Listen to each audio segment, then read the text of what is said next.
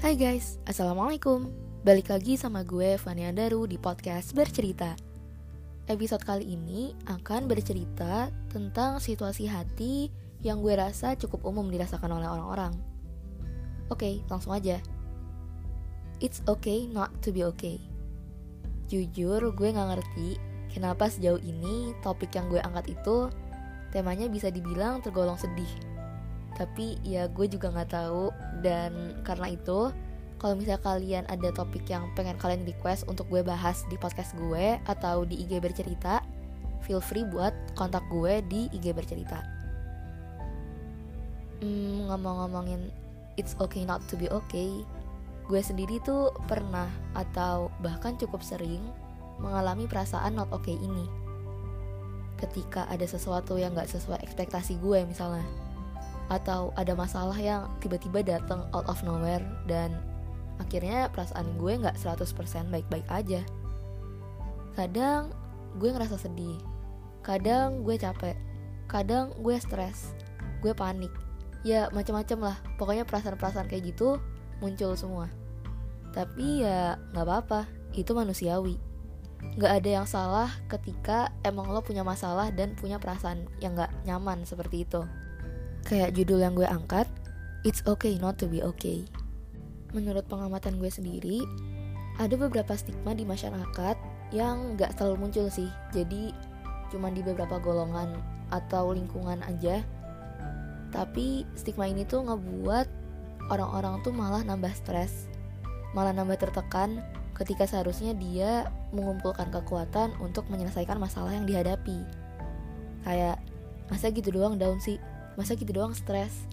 Kayaknya masalahnya nggak seberat gitu deh. Banyak kok yang lebih berat tapi nggak apa-apa. Lebay ah gitu doang udah panik udah capek udah stres gitu.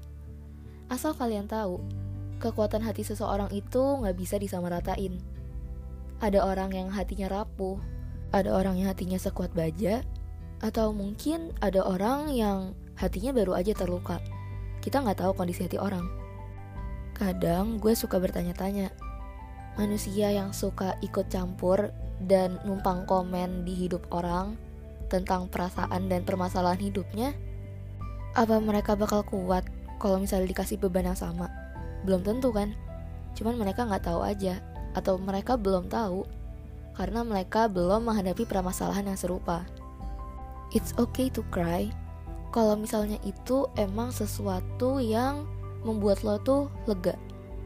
It's okay to feel sad karena itu menandakan lo manusia, lo punya perasaan. Yang gak oke okay adalah ketika perasaan-perasaan yang gak mengenakan hati itu membuat lo bertindak atau berpikir melewati batas. Contohnya, underestimate diri sendiri dengan pertanyaan-pertanyaan semacam apa emang gue gak layak hidup ya? Kok gue lemah banget? Mungkin kata-kata mereka bener kali ya, harusnya gue gak kayak gini. Tapi gue gak kuat dan lain-lain. Atau dalam beberapa kasus yang udah parah mereka atau dia malah bunuh diri karena ya emang udah nggak sanggup gitu menghadapi hidup.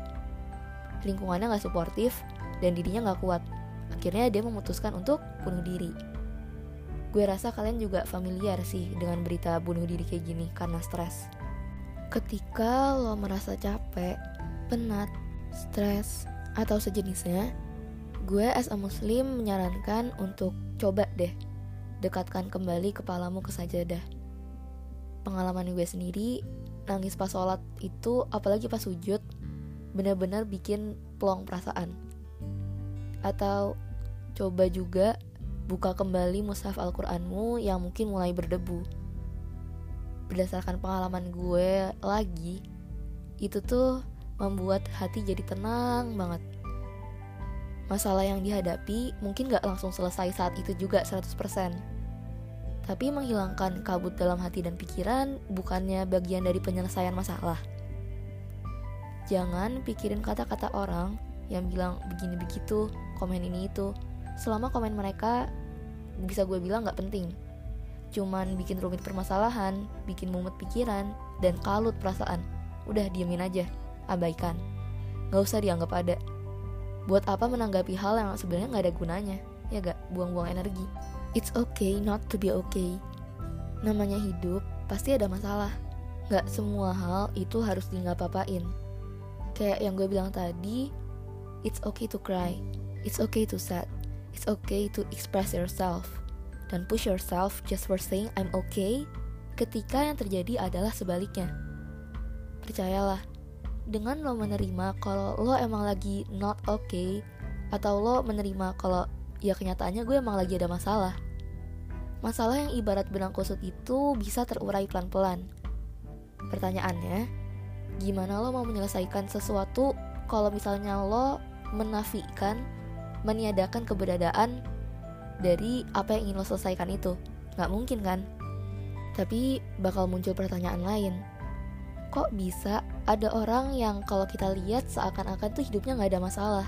itu terjadi karena mungkin dia emang menyembunyikan kalau dia lagi punya masalah ke dunia luar atau emang dia udah bisa mengovercome permasalahan yang datang ke dia.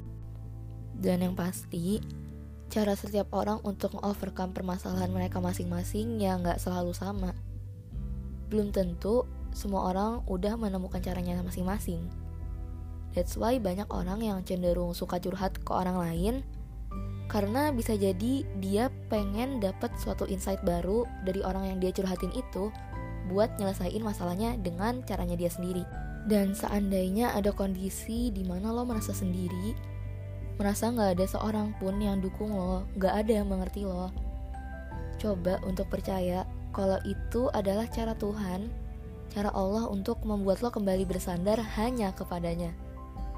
Bisa jadi karena kita terlalu bersandar kepada manusia, kita lupa kalau sebenarnya satu-satunya tempat bersandar kita ya Allah.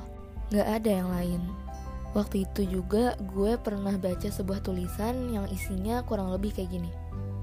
Ada beberapa orang yang bilang ketika seseorang itu ada masalah atau stres, mereka atau orang-orang di sekitarnya malah bilang kurang beriman kali loh. Orang beriman kan hidupnya pasti gampang, gak ada masalah, dan omongan sejenisnya. Gak semua masalah itu bisa diselesaikan dengan semudah itu. Ada beberapa yang harus dibantu dengan penanganan melalui perantara manusia. Misalnya apa? Misalnya itu terapi buat trauma psikis, apalagi yang berat. Pertama, kenapa gue bilangnya melalui perantara manusia, bukan bantuan manusia? Karena bantuan itu sejatinya datangnya dari Allah. Cuman, kadang nyampe ke kita melalui perantara makhluknya yaitu manusia. Menurut gue sendiri, kalau misalnya berdasarkan kondisi tadi, di saat seseorang butuh ucapan semisal nggak apa-apa, Allah emang nggak pernah ngasih sesuatu hal, kalau hambanya nggak mampu kok, lo pasti bisa menghadapi ini. Tenang aja, gue ada di sini kok buat bantuin lo kalau lo emang butuh support. Dia malah mendapatkan ucapan yang bisa dibilang adalah judgement dari masyarakat sekitarnya atau orang-orang di sekitarnya. Yang lebih parahnya lagi, ada beberapa kasus di mana orang-orang yang menjatuhkan seseorang ini adalah keluarganya sendiri atau orang-orang terdekat, orang-orang yang paling dipercaya lah pokoknya. Dan ya gue peringatkan, masalah itu perlu diselesaikan dengan usaha dari orang yang punya masalah diiringi dengan doa. Contohnya ya terapi buat menyembuhin trauma tadi, itu usahanya. Bukan usaha tanpa doa, atau doa doang tapi nggak mau usaha. Beda kasus ketika lo emang udah usaha maksimal terus lo baru tawakal dengan doa. Mulai sekarang, gue minta buang pikiran negatif tentang diri sendiri, apalagi pas lagi sedih, pas mood lagi ancur-ancur ya. Singkirkan bayang-bayang orang yang menyakiti hati dari benak lo. Usir semua ucapan yang menyakitkan yang terngiang di kepala. Susah emang, gue tahu. Tapi setidaknya kalau emang lo gak bisa lupain 100% Sibukkan diri lo dengan hal-hal yang bisa menjauhkan lo dari memikirkan uh, apa ya semua hal tadi. Karena semua bayang-bayang itu menyakitkan hati kan kalau diingat. As an example kalau gue sendiri ya sholat sama baca Quran untuk menghilangkan kepenatan kestresan itu. Gak ada yang salah dengan keadaan yang gak gak apa-apa. Apa-apa. Eh gimana bilangnya? Tapi ya gitulah. Gue rasa kalian ngerti kok apa yang mau gue sampaikan. Menguatkan diri itu bagus. Tapi berpura-pura kuat itu justru hanya akan menambah beban, pikiran, dan masalah. Diri lo yang seharusnya difokuskan untuk menyelesaikan dan menghadapi masalah, malah ditambah tugasnya buat mikirin gimana caranya biar orang-orang tuh ngeliat kalau lo baik-baik aja untuk berpura-pura kalau everything's fine. Hmm, hidup itu nggak bisa dijalani dengan pura-puraan. Jujur aja sama diri lo sendiri Nggak usah melelahkan diri lo dengan bohong dengan perasaan lo sendiri. Seandainya lo belum bisa mengekspresikan diri di depan orang lain, keluarin perasaan itu ketika lo sendirian, berdua dengan Allah. Justru, permasalahan-permasalahan yang datang itu adalah hal yang membuat lo menjadi seorang manusia yang seutuhnya. Balik lagi, namanya hidup pasti ada masalah. Jatuh, sedih, capek, itu emang sifat dasar atau sifat bawaan manusia. Justru mereka yang ngatain seseorang itu lemah, payah, atau cupu gara-gara belum bisa nge-overcome atau bangkit sebagaimana orang-orang yang mereka lihat bisa nge-overcome masalahnya dengan baik, patut dipertanyakan apakah mereka atau dia benar-benar seorang manusia. Jangan malu dengan bagaimana cara lo mengekspresikan diri hanya karena omongan yang gak penting gitu dari orang lain sepandai-pandainya tupai melompat, dia akan jatuh. Gitu kan ya bahasanya. Tapi ya intinya sepandai-pandainya manusia ngegap-apain masalahnya dalam artian menafikan keberadaan masalah itu bukan buat diselesaikan, tapi cuman buat berpura-pura kuat di depan orang lain, dia bakal jatuh juga. Atau mungkin karena lompatannya dia yang terlalu tinggi, jatuhnya dia malah lebih sakit lagi. Ya, udah kayaknya gitu aja yang mau gue sampein di episode kali ini semoga bermanfaat dan ya gue minta maaf kalau ada omongan atau kata-kata yang kurang tepat atau nggak enak di hati dan buat pendengar podcast ini jika emang kalian lagi ada masalah saat ini gue doakan supaya cepat terselesaikan dan jika kalian lagi nggak ada masalah ya alhamdulillah. Ya so that's all. Thank you for listening. Jangan lupa bahagia guys. Wassalamualaikum